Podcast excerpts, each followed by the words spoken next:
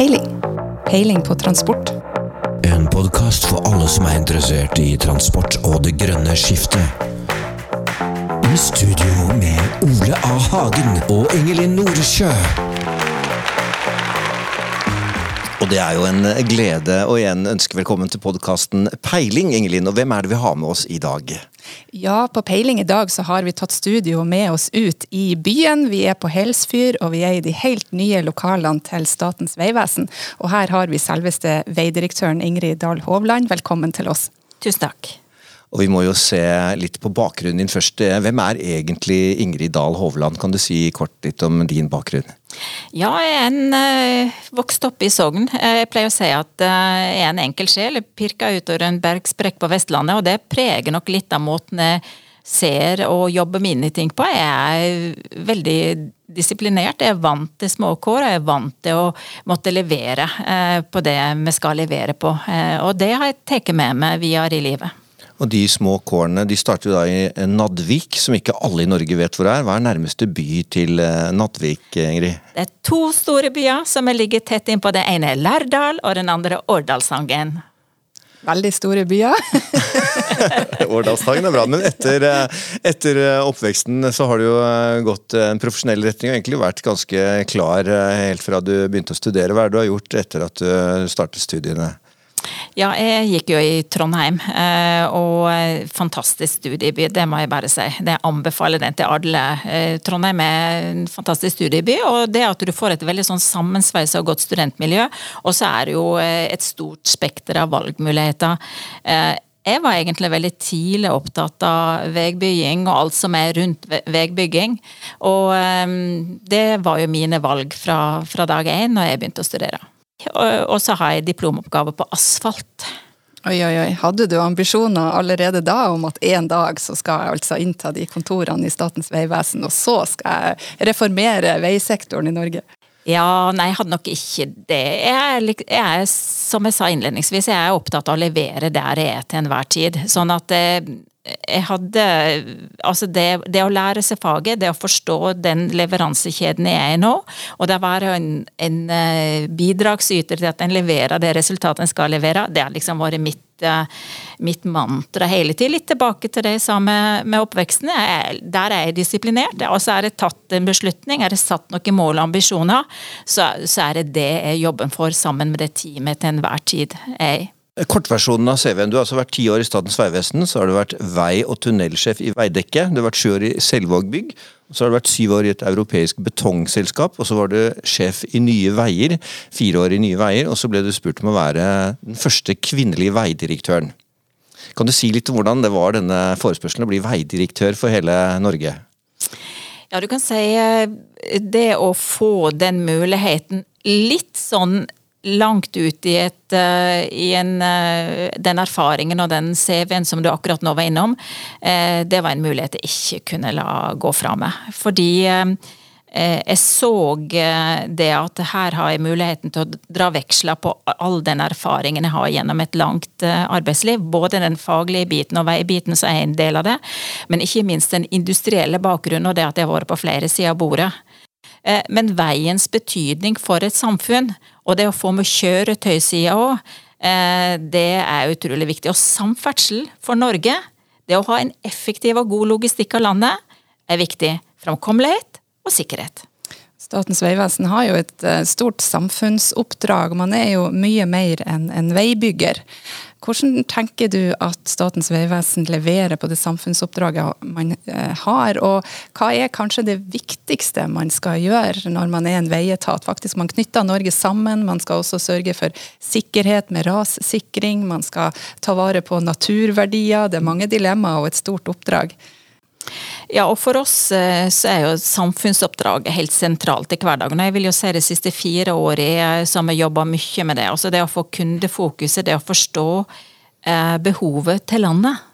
Eh, og det å finne sin plass eh, for alle medarbeiderne inn i, i, det store puslespillet som det er. Det her er min plass i forhold til det å levere enda bedre på samfunnsoppdraget. Eh, det å kunne levere mer mobilitet, bedre framkommelighet, enda bedre førerprøver, mer i utekontrollen, sikkerhet, sikkerhet i mobiliteten. Så det å, å få det kundeperspektivet inn, det har vært viktig. Og det har vi jobba mye med. Eh, og så skal du ha gjennomføringskraft inn i det å faktisk forstå leveransene ut i, i samfunnet, og det å ville forbedre det hver eneste dag. Eh, og Derfor så etablerte vi relativt raskt etter omorganiseringen, og når vi nå har gått for fullt inn i omstillingen, da innsikt og analyse, datainnsikt og analyse som en helt ny enhet. Og det er fordi at vi går fra det å være, ha arkiver, rapporter, eh, referater til å bli mer aktivitetsstyrt i hverdagen. Hva skjer ute på veinettet vårt nå? Trafikkflyten. Eh, forstå omfanget og den påvirkningen alle de tusen hendelsene hver eneste dag ute på veinettet. Hva det betyr for logistikken av landet. Å kunne prosessere det raskt og forbedre. Det er utrolig viktig for oss. Nå har du vært eh, veidirektør i fire år, og du sier at det er jo en eh, betydelig omstilling. Og når jeg hører ord som at du skal være kundeorientert og datadrevet, vil du si at eh, en av oppgavene dine i Statens vegvesen er å modernisere Statens vegvesen og rollen? Det var jo en fantastisk omorganisering. Organisasjonsmodellen som lå på bordet når jeg kom inn, altså jeg skulle jo være med å sette den ut i livet. Så organisasjonsendringen som da skulle settes ut i livet. Det er en veldig god organisasjonsform vi har i dag i forhold til det å profesjonalisere Statens vegvesen. Vi har gått fra fem regioner til å bli landsdekkende divisjoner, der drift og vedlikehold f.eks. er en enes. Styres fra Tromsø, landsdekkende, men da standardiserer vi jo opp eh, de prosessene. Og er mye tettere på styring, oppfølging i det daglige. Eh, og så er det jo det å ta nye virkemiddel, nye verktøy i bruk i forhold til hele tida en god helhetsforståelse, og, og, forstå det som skjer eh, i det daglige. Men det er jo i drift og vedlikehold at vi skal maksimere nytte og verdier for samfunnet. Og det er jo dermed å møte trafikanten, som er vår kunde, eh, daglig ute på veien. Nå eh, er det jo sånn at vi går en ny vinter i møte, og da vet man jo at det kommer til å bli stengte fjelloverganger, det kommer til å bli noe brøytekaos. Eh, og det vil være både næringstransport og personbiler som står fast på fjelloverganger. Og det er jo en stor utfordring for Statens vegvesen, rett og slett det nordiske klimaet som vi har, og eh, den transporten som skal foregå i kanskje noe av verdens mest krevende klima. Men så vet jeg jo òg at Statens vegvesen har tatt i bruk ny teknologi for å gjøre det tryggere å ferdes på, på fjellet. Man har begynt med varslingssystemer, man tester ut digitale løsninger. Kan du nevne et eksempel på noe av det dere gjør på vanskelige fjelloverganger for å trygge trafikken for bl.a. Eh, langtransporten vår eh, og yrkessjåførene? Ja, det er jo det er mange ting vi gjør det ene er jo det med sensorikk knytta til, til brøytestikket f.eks., sånn at du hele tida har god kontroll på posisjon, og at du har god sirkulasjon på brøytestikket, men at du kan bruke det mer og mer inn mot auto, altså i forhold til det å få større sikkerhet på kolonne når du har kolonnekjøring, eller når du brøyter. Men det å ha i forhold til sikkerheten på fjelloverganger, så er det òg veldig viktig i det grønne perspektivet, altså når du legger om til nye drivlinjer elektrisk eh, transport, så er det klart du òg må tenke samfunnssikkerhet og beredskap. Så det er jo òg en del vi må ha med oss inn i det her. Ja, hvordan, hvordan, blir det hvis man har en elektrisk lastebil ja. som blir stående på Saltfjellet f.eks.? Ja, og personbiler, ikke minst. Det er, det, er, akkurat det samme. Så det å, ha, det å kunne rigge ladekapasitet, eller det å ha ekstra tilgang på det, det er kjempeviktig for oss for å øke sikkerheten. Og så er det det med posisjon, men så er det det med å kunne varsle til enhver tid. Eh, hele tid sitte med en tett dialog, og da å kunne ha tettere dialog med kjøretøyet, det er viktig for oss. Men det du har vært innom nå, Ingrid, er jo dette det grønne skiftet. Du sier ladestasjoner og energistasjoner. Kan du si kort hvordan, hvordan ser du at Vegvesenet kan spille en viktig rolle for å sikre at eh, logistikkbransjen faktisk har muligheten for å lade? For det kreves jo noe helt annet av tunge kjøretøy enn eh, personbiler, som jo på lang, langt på vei er kommet eh, i mål.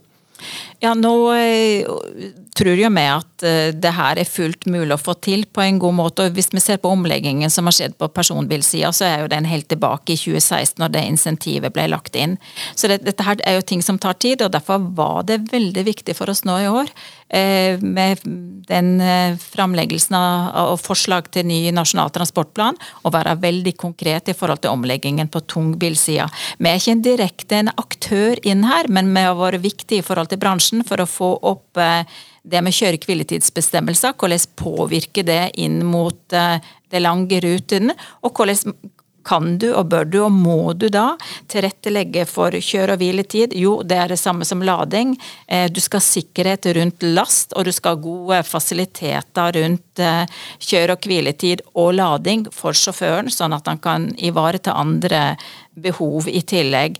Og Den eh, dialogen har vi hatt i lang tid med bransjen, sånn at vi fikk opp disse der åttetimersbyene, og har da eh, tilrettelagt konkret for det inn i de utlysningene som Enova nå eh, er ute med, i forhold til det å få opp eh, ladingen og tilbudet på lading og effekt. Det må jo komme fra andre deler av eh, andre sektorer enn oss. Men det er i hvert fall konkret og godt lagt til rette for i de utlysningene som har vært der. Og dette her følger vi nå veldig tett. Og så er det veldig gledelig å se at, at det er så mange som jobber godt inn og ser mulighetene for å lage nye forretningsideer og utvikle ny forretning basert på, på ladeinfrastruktur, og det er veldig gledelig. For det er utrolig viktig både for sikkerheten, samfunnssikkerheten, men ikke minst for beredskap og det å ha god framkommelighet. Det var jo en eh, messe i Japan nylig hvor det ble lagt fram nye personbiler hvor de faktisk kan kjøre over 1000 km med de nye batteriene mm. uten å lade. Så det er jo kanskje en utføring også. Hvor mye ladekapasitet trenger vi langs veinettet? I første omgang trenger vi åpenbart noe for tunge biler, men uh, hvordan ser du på Man må jo følge teknologiutviklingen også. Batteriteknologi har jo en svimlende utvikling hvor de kunne kjøre kanskje 10 mil på en god dag for ti år siden. Så kan de kjøre 50 mil nå, om, om fem år kanskje 100 mil det er viktig å ha med seg akkurat det perspektivet der. For, når du setter i gang en utvikling, så svarer industri og leverandørledd ofte veldig godt opp på det. Vi ser det jo på, eh, på ferjeomleggingen som har vært på ferjesida. Eh, før så var det jo kjempedigre biloppstillingsplasser, og ferja gikk til faste ruter som ble sendt ut en gang i året. Og en ble målt på accuracy. Men nå er jo den frekvensen økt, mindre fartøy og mindre biloppstillingsplasser. Sant? Fordi at du ser ferja som en del av transportsystemet, og lading og logistikk av, av det konkrete sambandet eh, er liksom en del av forretningsideen og løsningen for den som da vinner anbudet, har liksom den beste forretningen på det, om du vil. Og det vil variere fra strekning til strekning. Og det samme tror jeg òg vil kommer til å skje på kjøretøysida på land.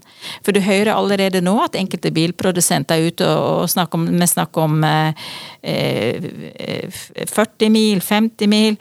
Men så ser jeg ja, kanskje jeg heller skal ta sånn timinuttersladinga hyppigere enn at du skal stå og lade i tre kvarter. Så det er noe med at eh, batteriteknologien vil òg endres. Eh, og kanskje òg behovet er litt annerledes. enn Vi har lett for å liksom kopiere opp sånn som vi gjør det i dag. Men det vil bli noe annet i framtiden. vi har jo ganske dårlig tid egentlig for å nå klimamålene i 2030, så det haster jo. Syns du at det går eh, fort nok, dette? Nei, jeg syns jo kanskje på en del områder så må vi være villige til å ta inn over oss at det har noen konsekvenser i forhold til det måten vi jobber på i dag. Så vi må liksom komme raskere inn i to do-modus. Eh, og så vil vi gjøre noe feil. Eh, så det er det å ta ned en risiko for, eh, ja, for private aktører som vil være med å dra endringen, industri og leverandørledd, sånn at vi får til gode løsninger. Ikke alt er 100% med en gang. Jeg nevnte ferjeomleggingen i stad.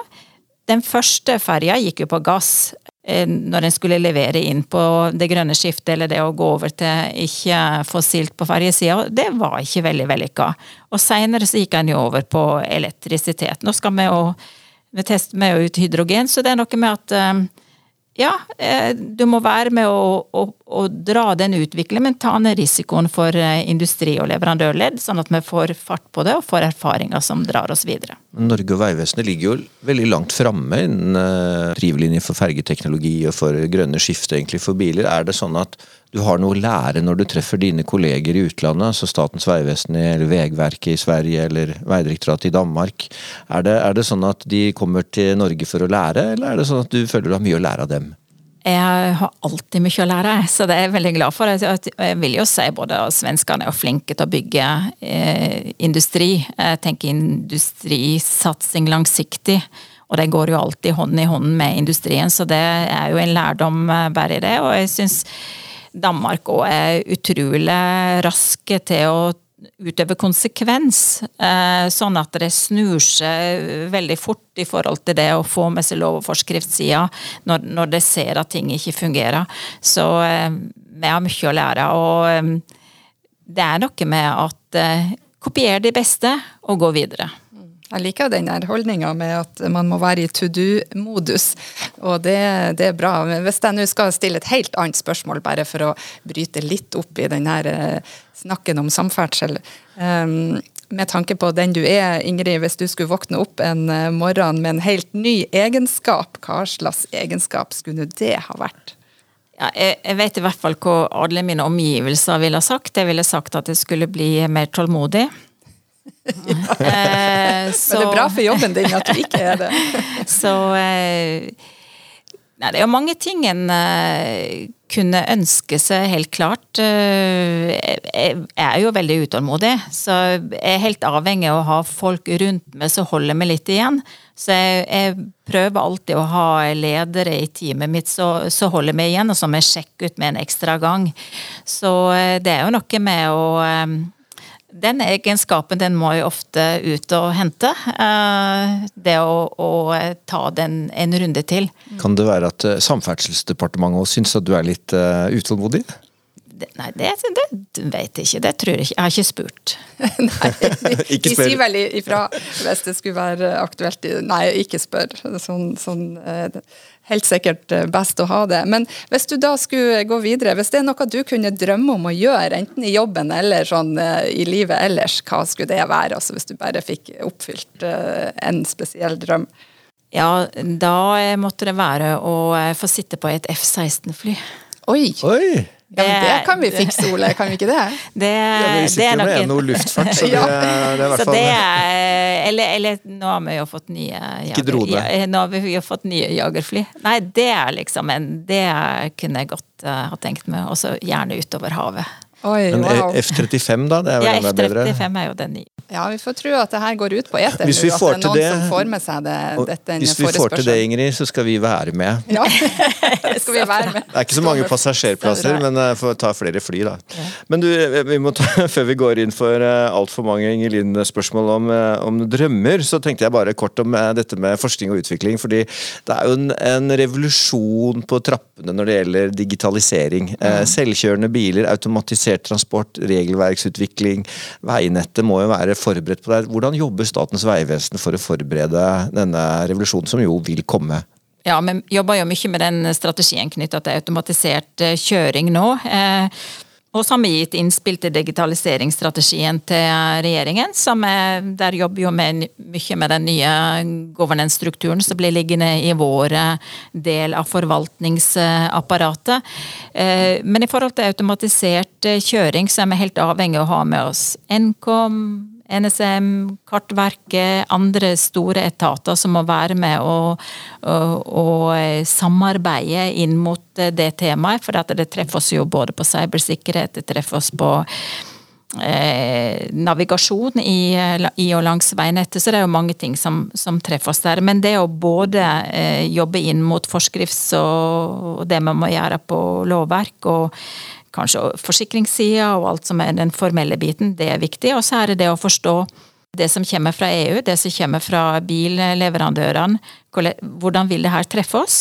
Det å klare å ligge i forkant, klare å få eh, gode målbilder for 2025, 2028, 2035, sånn at vi forstår utviklingsløpet. For dette vil jo gå trinnvis. Og da å ha et lovverk og et forsk forskriftsarbeid som gjør at vi kan håndtere alt som går på sikkerhet, forsikring, rundt den eh, trinnvise utviklingen. Mm. Og det som eh, er viktig for oss inn i det arbeidet, det er Nasjonal veidatabank. Der ligger alt av veinett med alle sine objekt eh, i Norge inne. Så det å ha den grunnplanken klar, og klare å modernisere den som vi gjør nå, inn i digital drivkraft, og det som vi har lagt inn av Eh, behov for eh, videre utvikling i Nasjonal transportplan, det er en viktig grunnplanke i det arbeidet her. Og så bygger vi jo på der med de tjenestene og automatisert kjøring, som vi akkurat var innom. Eh, som da vil hente mye av data, sin data derifra. Så det er en viktig hub i, i Vei-Norge i det arbeidet. det med samfunnssikkerhet og beredskap. Hvordan vil vi håndtere det her for framtiden? Hva betyr den datamengden? Eh, deling, hvordan sikre vi oss data, det som er på vår hånd. Så cybersikkerhet, eh, både i forhold til samfunnssikkerhet, men i sikkerhet for kjøretøyet, er jo veldig, veldig viktig inn i det arbeidet her. Og det leder oss videre inn på et spørsmål som vi stiller til alle gjestene våre, og det er hva er din verste transportopplevelse? Ja, det er jo altså Det å føle trygghet når du er ute i transportsystemet, det, det er viktig. Og jeg har kjørt veldig mye fjelloverganger når jeg skal vestover med barn. Og det å kjøre seg fast i en kolonne med småbarn Det blir fort kaldt. Det, og før mobil, mobilens eh, At den var liksom I hvert fall at du fikk svar i andre enden, for å si det sånn det er ikke noen god opplevelse. Så det å på en måte også som sjåfør ta ansvar når du er ute i transportsystemet, det er viktig. For som du sa innledningsvis, det er et krevende miljø i Norge, et krevende vær. Eh, så vi må som sjåfører ta det ansvaret vi skal ut i trafikken. Men vi har jo en annen eh, fast spalte her, eh, Ingrid, og det er jo trafikk og musikk hører jo sammen. Man eh, kjører gjerne på radio eller musikk når man kjører bil eller er underveis på veinettet. Hva er din favorittartist eller din sang som du ville trekke frem som har med transport å gjøre? Det er Kari Bremnes. Jeg har en veldig artig vise som heter 'Alle må levere noe'. Hør på den. Det den, må vi gjøre. Jeg hører jo mye på Kari Bremnes. De liker jo Kari Bremnes, men Alle må levere noe. Og det er litt sånn, for meg så blir det litt i, til alt. Altså det at du faktisk skal, du skal levere noe. Eh, du skal være med og, og levere, og litt tilbake til samfunnsoppdraget. Jeg hører ofte på den. Jeg trodde du skulle si Kari Bremnes, er du nord? Da er det liksom, det er ikke sikkert du rekker den ferga du skulle ha nådd, osv. Den handler om det. Alle må levere noe. Alle må levere noe. Men du, jeg har også ti kjappe, og det er omtrent det siste fra meg i denne omgang. Men her har vi liksom noen dilemmaer, da, som du blir eh, spurt om å svare på. Og da skal du bare si det ene eller det andre. Eh, du får liksom ikke flere valg, det er ti kjappe, og hvis jeg da sier liksom eh, natt eller dag, så skal du svare det ene eller det andre. Og da starter vi bare, og da spør jeg deg, Ingrid. Fjell eller hav? Fjell. Bil eller tog? Bil. Sykkel eller gange? Gange. Ribbe eller pinnekjøtt? Det er jo snart jul. Pinnekjøtt. Ja ja, du er jo fra Vestlandet. Den er jo egentlig øh, kanskje litt ufin, men jeg må jo likevel spørre det. Statens vegvesen eller Nye Veier? Statens vegvesen. Ja, selvfølgelig. Eh, men da, ny vei eller naturverdier? Naturverdier. Ikke verst. Justisminister eller landbruksminister? Hvis du skulle få valgt å være det sjøl. Oh ja, jeg har egentlig lyst på begge de to. Ja. Men jeg har veldig lyst til å ha gjort noe med de der uh, fordelingene i, i jordbruk... Jeg tror jeg sier jordbruksminister. Ja, ja, ja. Bra. Eh, hvis du skulle delta sjøl, Farmen eller Skal vi danse? Og skrekk og gru. Ja, det må bli Skal vi danse, da. Oi! Jeg trodde jo du var en sånn der, en praktisk dame som hadde egna deg veldig godt på Farmen. Det har blitt så kort eh, tid i Skal vi danse at det er, det er sånn for ressursoptimalisering. ja. For jeg tror du hadde holdt lenge i Farmen, nemlig. Eh, vil du helst bli rik eller berømt? Du er berømt, da. Ja, du er jo egentlig litt av det. Det er ikke viktig for meg å være berømt, altså. Det tror jeg må, tror det blir svaret. Ja. Vi går ikke videre inn på det, tenker jeg. Om du da heller har lyst til å være rik. Og siste spørsmål. Ville du helst ha gått på ild eller isbad? Isbad. Ja, kanskje du er en isbader? Ja, jeg bader. Vinterbader, ja. Ja, du gjør det, ja. Ikke verst, ikke verst. Ja, det- Men uh, Ingrid Dahl Hovland, det har vært en fornøyelse å ha deg her i studio hos Statens vegvesen. Tusen takk for at du kunne komme til oss. Takk for at jeg fikk komme. Peiling. Peiling på transport. En podkast for alle som er interessert i transport og det grønne skiftet.